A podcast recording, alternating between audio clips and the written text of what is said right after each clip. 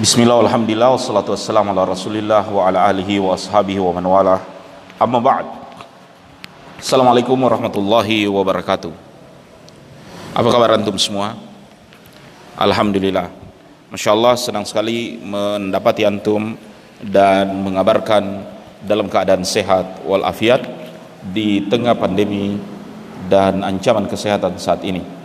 Maka selalu kita memelihara ketaatan, ketakwaan kepada Allah Subhanahu wa taala karena ketika kita diuji oleh Allah Subhanahu wa taala, ujian itu pun tanda dari sayangnya Allah Subhanahu wa taala kepada kita sekalian.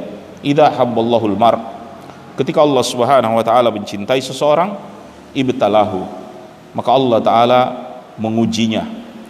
Maka tidak ada hubungan mengenai musibah, sakit, kematian ataupun hal yang tidak mengenakan dalam hidup ini dengan kita berprasangka buruk kepada Allah Subhanahu wa taala.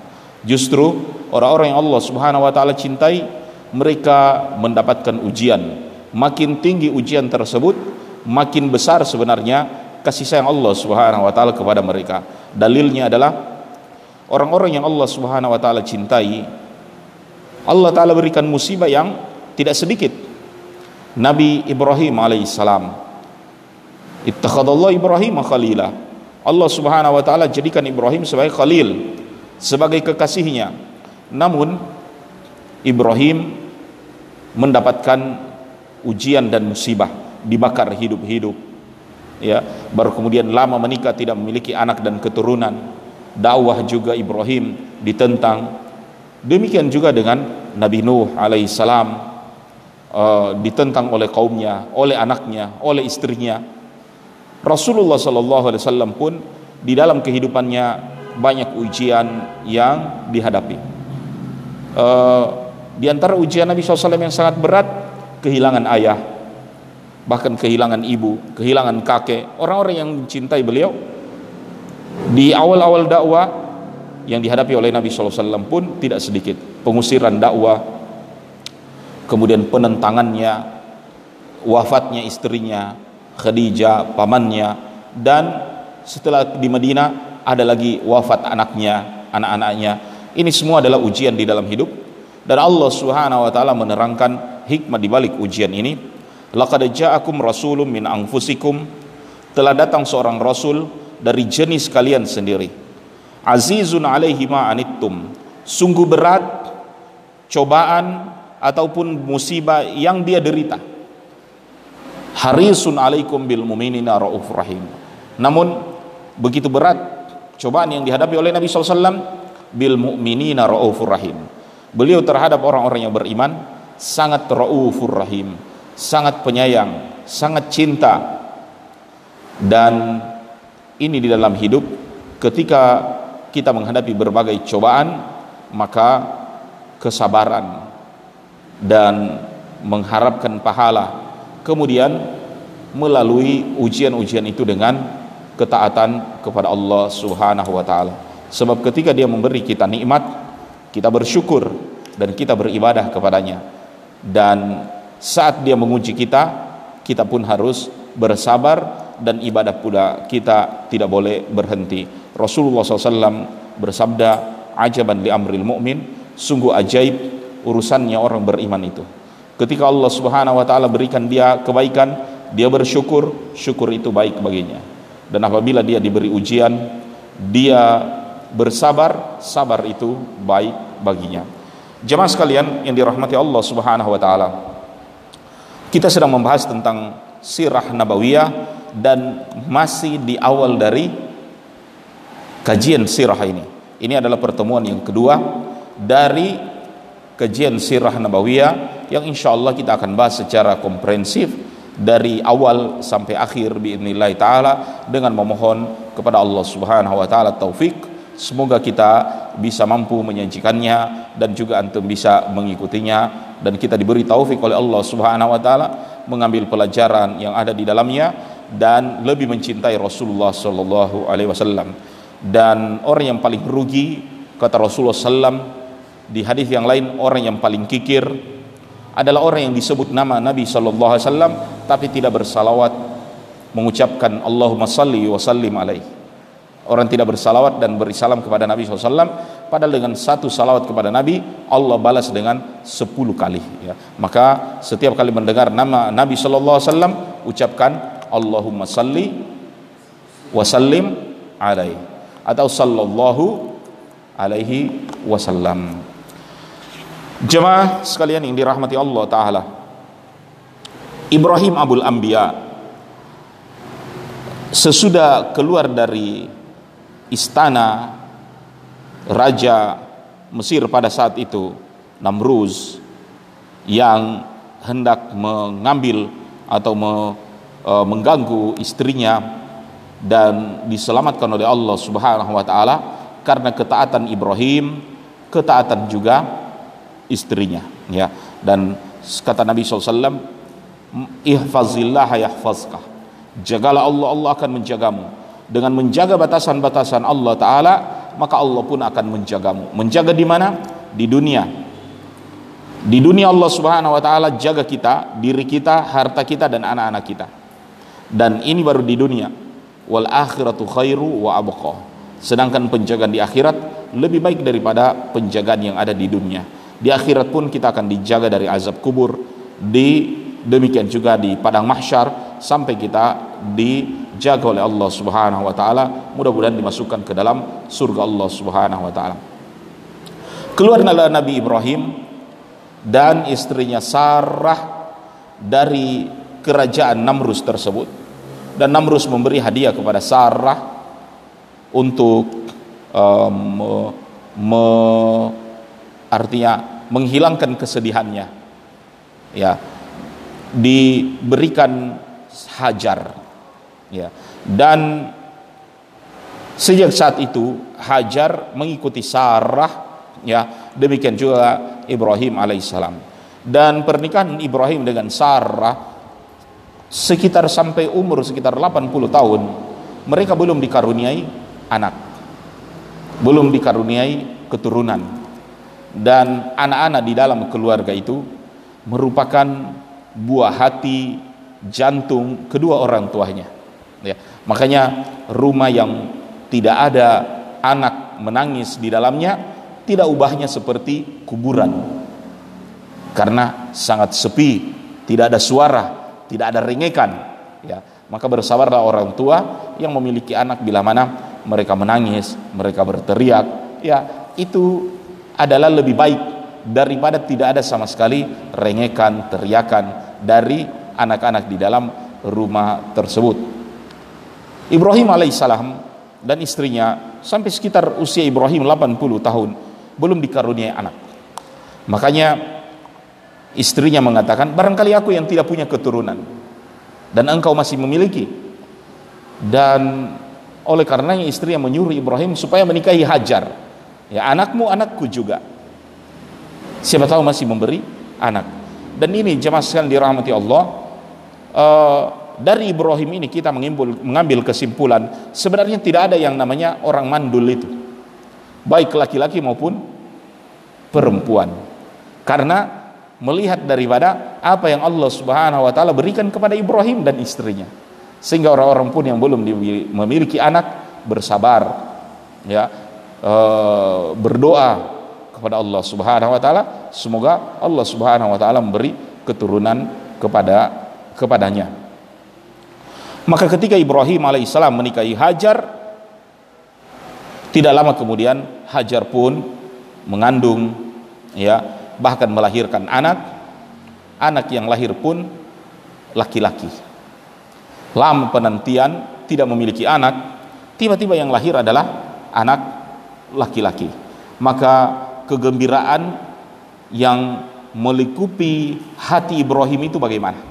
Ya, orang kehausan tiba-tiba ada minum air itu senang orang yang lama tidak ada anak kemudian uh, tiba-tiba memiliki anak di antara kesenangan dunia ya kesenangan dunia adalah termasuk anak-anak. Dan berbicara tentang kesenangan dan kelezatan dunia kata para ahli hikmah kesenangan-kesenangan dunia itu hanya ada di ujung-ujungnya. Tidak semua dari apa yang ada di dunia itu disebut dengan lezat dan enak. Sebab kelezatan dunia itu ada di penghujungnya sebagai contoh kapan antum merasakan enaknya makanan? Ketika berada di ujung lapar maka walaupun makanan itu bukan makanan yang mewah tapi kita sudah berada di ujung dari lapar maka makanan itu lezat. Demikian juga kita berada di ujung kehausan maka air itu begitu enak karena kita berada di ujung kehausan. Semua ada di ujung-ujung ya kenikmatan tersebut.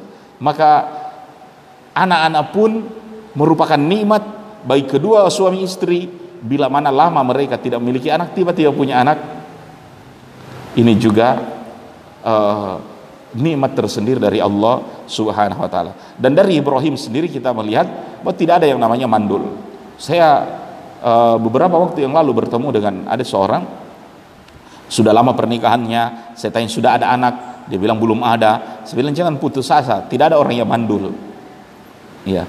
Dan masya Allah baru pekan lalu atau berapa waktu yang lalu tiba-tiba dia mengumumkan sudah punya anak, lahir, dan saya beri selamat tiba-tiba bilang Ustaz anak teringat juga dengan antum bilang perkataan tidak ada orang yang mandul dan pada saat itu kita lebih optimis dan ternyata memang uh, Allah Subhanahu wa taala berikan mereka anak-anak. Ini sebagai contoh uh, dari apa yang dialami oleh Ibrahim alaihissalam. Hiduplah Ibrahim uh, artinya bahagia dengan hadirnya anak tersebut namun jamaah sekali dirahmati Allah, tabiat dari wanita adalah sifat cemburu yang mereka miliki. Dan ini dimiliki juga oleh Sarah terhadap Hajar. Ya, keduanya sama-sama istri dari Ibrahim alaihissalam. Tapi walaupun Hajar datang belakangan, dia memiliki anak. Dan girah kecemburuan ini semata-mata berangkat dari kecintaan seseorang terhadap apa yang dia miliki. Orang akan cemburu pada apa yang dia miliki. Uh, dan di dalam Al-Quran perkara cinta terhadap dunia, terhadap anak, terhadap apa pun yang dimiliki, ini difirmankan oleh Allah Subhanahu wa taala dalam Al-Quran, wa innahu lihubbil khairi lasyadid. Sesungguhnya manusia itu lil khairi, lil khairi adalah kepada dunia. Lasyadid, sangat. Dan ayat ini ada empat taukidnya kalau dalam bahasa Arab inna e, artinya kalimat atau kata penguat bahwa sesungguhnya dia benar-benar paling itu dalam ungkapan ayat ini ada empat taukidnya ini ilmu nahu di antaranya taukid penguat kata-kata itu sungguh. Yang pertama kalimat inna. Wa innahu lihubbil. Sebenarnya bisa saja hubbu yuhibbu tapi ada lam lihubbil khairi. La syadid lam juga sebelum syadid. Itu taukid. Syadid pun kalimat yang sangat. Padahal sudah ada inna syadid berarti sangat sangat sangat sangat. Sehingga kalau diartikan sesungguhnya manusia itu terhadap dunia terhadap harta sangat sangat sangat sangat cinta. Dari jenis manusia laki-laki dan perempuan maka yang paling cinta yang paling menyukai terhadap sesuatu yang tergantung kepada apa yang dia miliki itu hatinya perempuan jadi terhadap dunia manusia laki-laki dan perempuan sama sangat sangat sangat sangat tapi antara laki-laki dan perempuan yang paling cinta terhadap apa yang dia miliki adalah perempuan. Ya makanya karena kalau pecah piring laki-laki bilang biasa. Tapi kalau perempuan iso tak kurang kita piring. Itu baru piringnya. Ya. Apa yang dia miliki? Artinya wanita sangat lebih dari laki-laki kecintaannya terhadap sesuatu. Apalagi terhadap kepemilikan sesuatu. Nah bisa dibayangkan kalau dia memiliki suami, tidak mungkin dia kasih sama orang lain. Ya maka di situlah kecemburuannya. Berangkat dari kecintaannya. Demikian juga yang dialami oleh Sarah dan Hajar. Dan wallahu taala alam Allah pun menyuruh Ibrahim supaya menjauhkan Hajar dari Sarah. Saat itu mereka sesudah keluar dari Mesir, Ibrahim, Sarah dan Hajar pergi ke tanah Kanaan yang saya bahas pada pertemuan yang lalu. Apa itu tanah Kanaan? Tanah Palestina. Ya, tinggal di tanah Kanaan atau Palestina pada saat ini. Ya. Makanya jamaah sekali dirahmati Allah, Ibrahim memakmurkan Baitul Maqdis. Apa Baitul Maqdis? Memakmurkan, membangun Masjidil Aqsa. Makanya kata para ulama, kalau Masjidil Haram, Ka'bah dibangun oleh Adam alaihi salam, nanti Ibrahim meninggikan bangunannya, maka Baitul Maqdis dibangun oleh Ibrahim alaihi salam. Di sana Ibrahim beribadah, menyembah Allah Subhanahu wa taala Baitul Maqdis.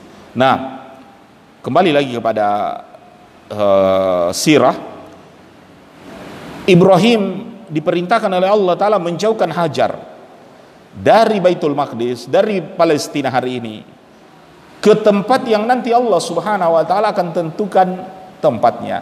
Maka pergilah Ibrahim dan Hajar dari utara kalau dalam peta Syam ataupun Palestina itu di atas di utara turun Ibrahim ke bawah ke selatan jadi dari utara menuju ke selatan jalan berhari-hari hingga tiba suatu waktu suatu saat di tempat yang gersang. Fi wadin gairi zar'in. Di lembah yang tidak berpenghuni bertanaman. Tidak ada air tidak ada manusia hatta burung tidak ada. Fi wadin ghairi zar'in. Di lembah yang gersang tandus tidak ada apa-apa di sana. Ketika sampai di tempat itu Ibrahim turunkan anak dan istrinya dari kendaraan. Begitu turun dari kendaraan Ibrahim pun balik kanan pergi. Sampai istrinya heran kenapa aku ditinggalkan di sini dengan anakku? Dipanggil Ibrahim. Ibrahim. Di, Nabi Ibrahim alaihissalam tidak menoleh. Tetap dia jalan Ibrahim. Ibrahim tidak menoleh sama sekali nanti sudah jauh Hajar mengatakan kayaknya serius dia pergi nih makanya Hajar pun ber, berkata Ibrahim Allahu amaraka bihada wahai Ibrahim apakah Allah subhanahu wa ta'ala yang memerintahkanmu seperti itu Ibrahim mengangguk dari jauh Ya. Allahu amaraka bihada. Apakah Allah Subhanahu wa taala yang perintahkanmu seperti ini? Kata Ibrahim, "Ya. Allah yang perintahkan." Makanya begitu Hajar tahu bahwa ini adalah salah satu perintah Allah Subhanahu wa taala meninggalkan dia dan anaknya di tempat itu Hajar tidak lagi bertanya-tanya Hajar cuma bergumam idan la yudayyanillah atau la Allah kalau demikian Allah tidak akan sia-siakan kami di tempat ini. Ibrahim pun melanjutkan perjalanan dari kejauhan Ibrahim berdoa Rabbi ja'al hadha baladan amina. Ya Allah jadikan negeri ini negeri yang aman. Warzuk ahlahu minat thamarati berikanlah penduduk dari negeri ini buah-buahan. Ya man amana billahi wal akhir. Bagi orang-orang yang beriman pada Allah taala dan hari akhir Ibrahim mendoakan negeri itu. Ibrahim mendengar mendoakan tanah tersebut yang didatangi Ibrahim dan keluarganya itu tidak lain adalah Makkah. Tidak lain adalah Makkah. Tempat yang kelak akan berdiri Ka'bah. Dan lihatlah doa Nabi Ibrahim alaihissalam. Ya jadikan negeri ini yang aman. Allah taala ya berfirman la uqsimu bihadzal baladil amin aku bersumpah negeri ini adalah negeri yang amin ya Allah taala jadikan tanah haram adalah tanah yang aman dilarang berbuat kekacauan. Makanya disebut tanah haram. Ustaz, kenapa disebut tanah suci, tanah haram? Sebab haram berbuat kemungkaran, berperang, uh, hatta bantah-bantahan, bakal lain. Kalau datang haji, kata Allah Subhanahu wa taala, uh, fala rafatha wala fusuqa wala jidala fil hajj. Lah rafat. Jangan berbuat hal yang rendah, yang remeh, kefasikan. Ya, ketika sedang wala jidala, jangan berbantah-bantahan, bermusuh-musuhan di dalam negeri haram ataupun ketika sedang haji. Bahkan ranting pohon tidak boleh dipatahkan, bahkan hewannya tidak boleh diburu. Ketika berada di tanah haram ya, tanah Mekah. Jemaah sekalian dirahmati Allah Subhanahu wa taala. Ketika Hajar berkata, bahwasanya idzan la yudayyanillah kalau demikian Allah Subhanahu wa taala tidak akan menyia-nyiakan kami. Allah Subhanahu wa taala tidak akan membiarkan kami di tempat ini. Itu perkataan wanita tapi kaum laki-laki juga orang yang berhak untuk mengamalkannya. Ini bentuk tauhid bentuk kepasrahan kepada Allah thiqatun billah percaya terhadap ketentuan dari Allah Subhanahu wa taala. Bahwasanya wa may siapa yang menggantungkan harapan kepada Allah, siapa yang bertakwa kepada Allah Subhanahu wa taala, yaj'al lahu makhraja. Maka Allah Subhanahu wa taala akan berikan dia makhraja, solusi. Solusi apa? Jalan keluar dari setiap persoalan yang dia hadapi. Bukan hanya itu. Ya, kalau yang tadi wa may itu janji. Artinya syarat. Afwan. Siapa yang berkata eh, wa may ini syaratnya. Yaj'allahu makhraja ini janjinya. Siapa yang bertakwa pada Allah, janjinya itu Allah beri solusi dari setiap persoalan hidupnya. Wa yarzuqhu min haitsu la. Dan Allah berikan solusi dari persoalan yang dihadapi, itu namanya bonus. Jadi ada janji, ada bonus. Hajar mengatakan, kalau ini perintah Allah membiarkan aku dan anakku pergi suami tinggalkan kami di tempat ini, la yudayyanillah. Maka Allah Subhanahu wa taala tidak akan sia-siakan kami.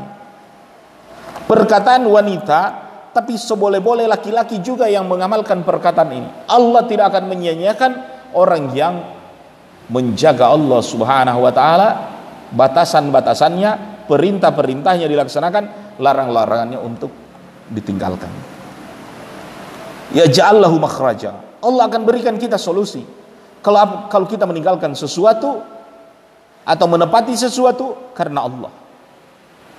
Wa may yattaqillaha yaj'al lahu makhraja. Siapa yang bertakwa kepada Allah, Allah taala akan berikan solusi. Eh, man taraka syai'an lillah awadahu Allah khairan minhu. Siapa yang meninggalkan sesuatu karena Allah, maka Allah taala akan mengganti apa yang dia tinggalkan ya dengan sesuatu yang lebih baik.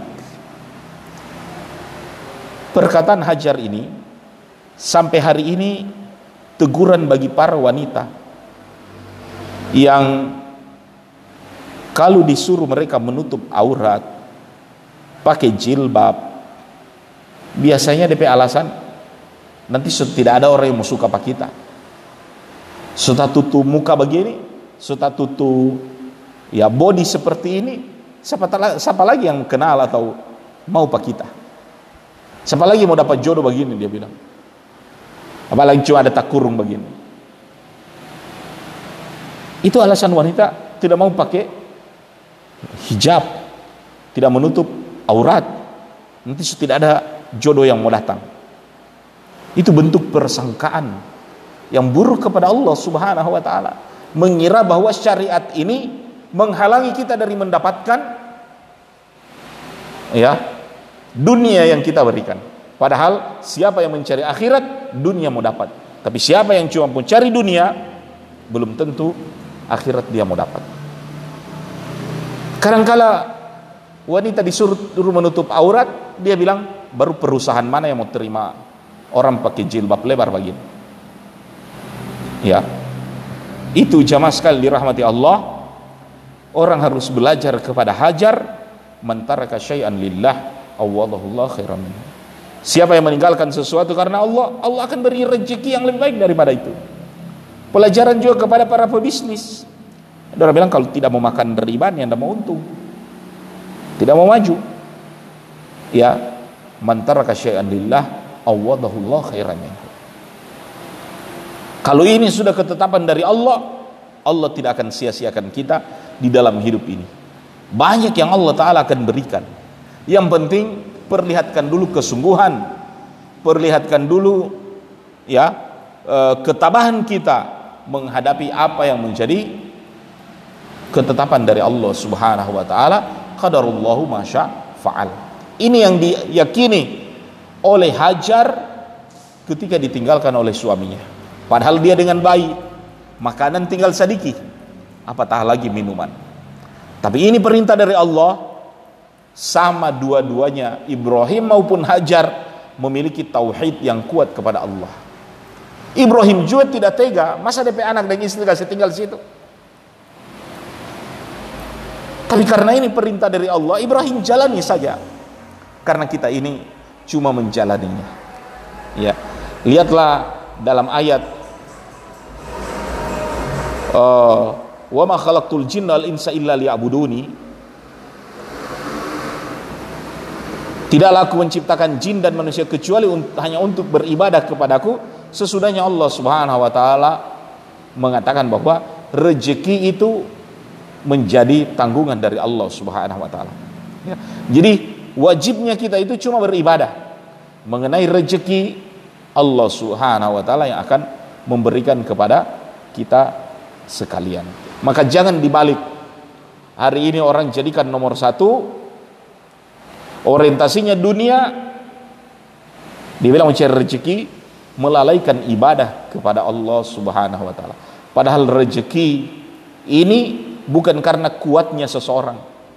Kalau kuatnya seseorang di dalam mencari rezeki, niscaya Orang yang bapikul barang yang berat turun dari kapal itu lebih banyak DP gaji dibandingkan mandor yang cuma duduk-duduk balia orang yang pikul itu. Karena orang yang bapikul lebih kuat. Tapi ternyata kadang-kadang lebih gaji mandor lebih tinggi daripada orang yang bapikul. Kalau serejeki itu karena kekuatan. Kalau rezeki itu karena kepintaran, maka tentu orang-orang yang drop out seperti Bill Gates atau siapa, orang bilang tidak akan memperkejarkan orang yang pintar.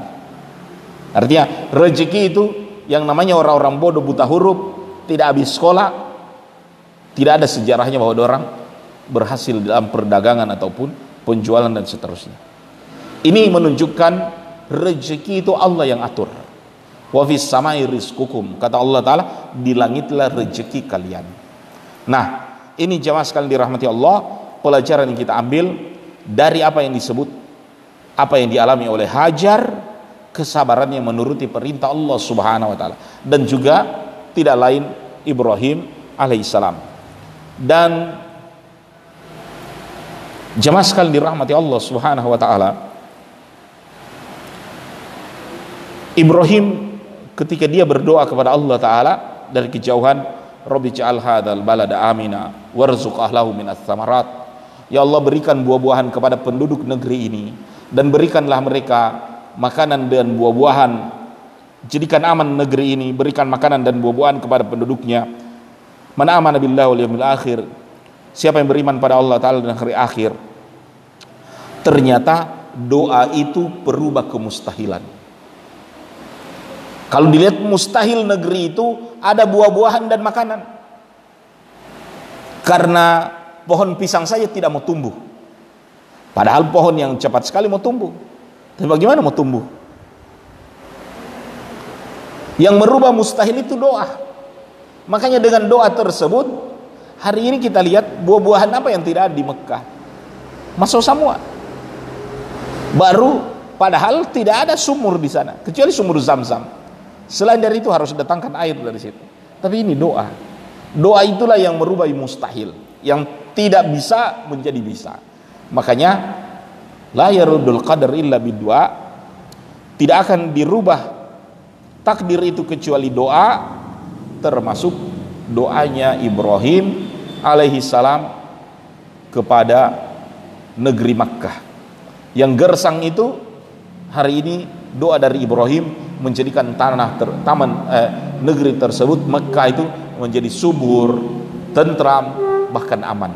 Ya, bahkan wajah kata Ibrahim dalam doa tersebut, waj'al afidatan nas tahwi ilaihim. Ya Allah jadikan hati manusia condong dan cinta terhadap negeri tersebut.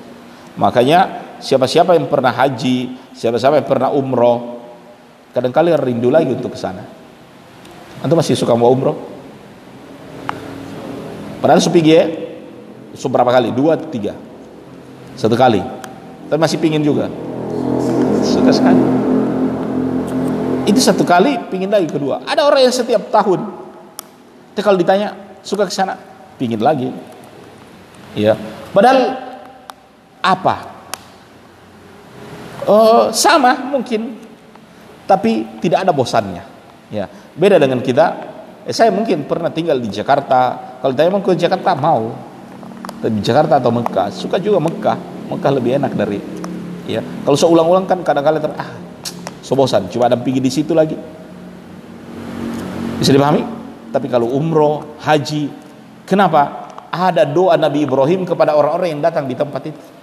Wajal afidatan nas tahwi ilaihim. Jadikanlah hati orang-orang rindu cinta condong untuk datang ke Mekah. Dan itu yang terjadi kepada orang-orang yang jemaah sekalian pernah pergi ke Mekah. Ada kerinduan terhadap kota Mekah itu sendiri ya tahwi ilaihim ingin ke sana. Makanya jamaah sekalian dirahmati Allah, ada orang yang memurtadkan kaum muslimin dengan bantuan-bantuan begitu. Orang artinya dia ini datang dengan harapan orang-orang keluar dari Islam.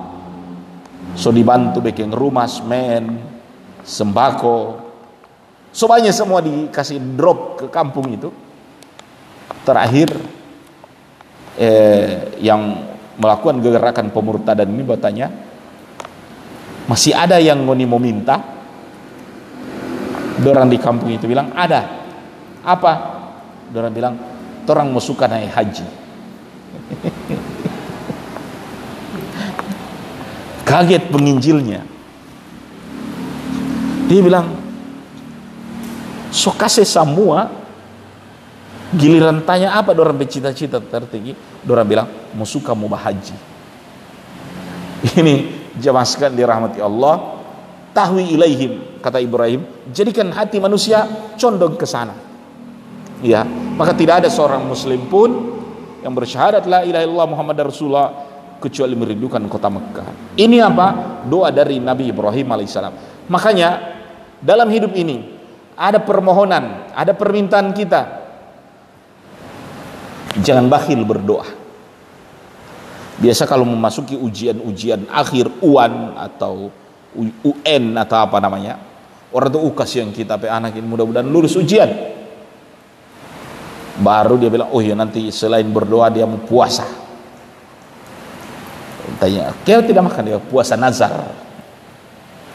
Karena ada DP keinginan.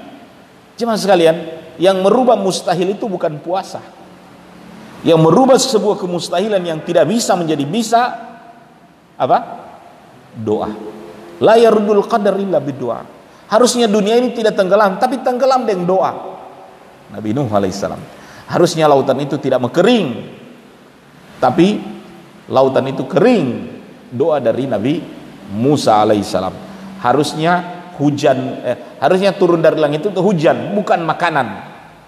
Tapi Nabi Isa pernah minta anzil alaina ma'idatan minas sama. Turunkan dari langit makanan. Siap saji. Ya tinggal mau makan di dari langit. Itu mustahil mustahil bisa dengan doa. Ya maka jangan meminta kemustahilan kecuali kepada Allah Subhanahu wa taala. Dan para para nabi yang meminta sesuatu yang mustahil kepada Allah ini berangkat dari tauhid dari keyakinan mereka bahwa Allah taala mujibus sailin bahwa Allah Subhanahu wa taala maha penerima maha pengkabul doa dan permintaan. Jadi tidak ada doa dan permintaan kecuali akan dikabulkan oleh Allah dan Allah taala Maha kuasa atas segala sesuatu.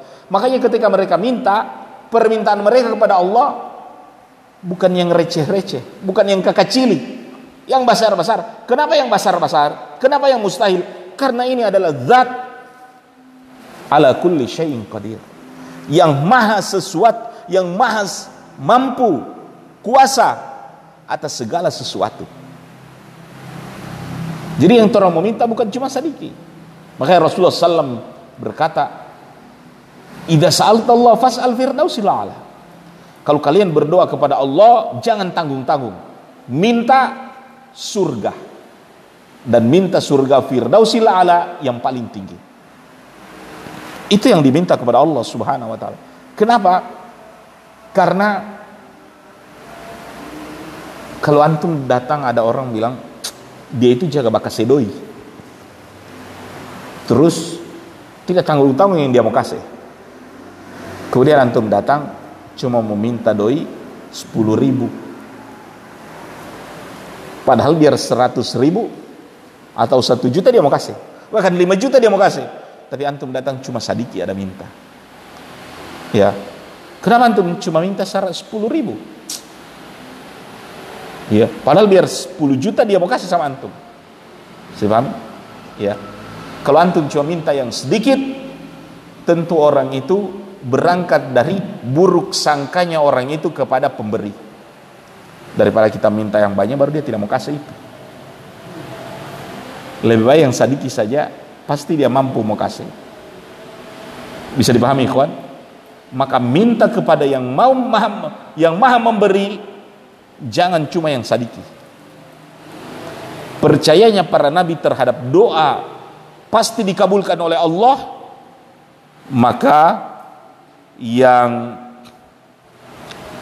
diberikan jamaah sekali dirahmati Allah oleh Allah Subhanahu wa taala tidak tanggung-tanggung ya banyak yang besar uh, apa yang mereka minta kepada Allah Subhanahu wa taala adalah sesuatu yang besar yang barangkali mustahil meminta. Tapi yakinnya bahwa Allah Ta'ala maha pemberi tidak menghalangi mereka meminta yang besar-besar. Bisa dipahami ikhwan? Ya. Lihat kepada orang-orang yang kufur. Orang-orang yang jauh kepada Allah. Mereka datang di dukun itu, permintaan yang mustahil sebenarnya dukun mau kabulkan. Tapi karena rusaknya keyakinan mereka, itu mereka membesarkan sesuatu, mengagungkan sesuatu, yang padahal sesuatu itu la yadurru la wala fa tidak akan memberi maupun memberi mudarat makanya tetap dia minta orang bangkrut di perusahaan. Dia minta sama dukun tolong kamar kita perusahaan bangkrut. Makanya dukun itu juga dia hatan baca neraca keuangan dia tidak tahu. Akuntansi dia tidak tahu. Akhirnya dia suruh kasih dia bilang ini ada berapa butir ini? Obat di dalam sampai rumah kocok campur di kopi baru minum dia tidak tahu tai kambing itu.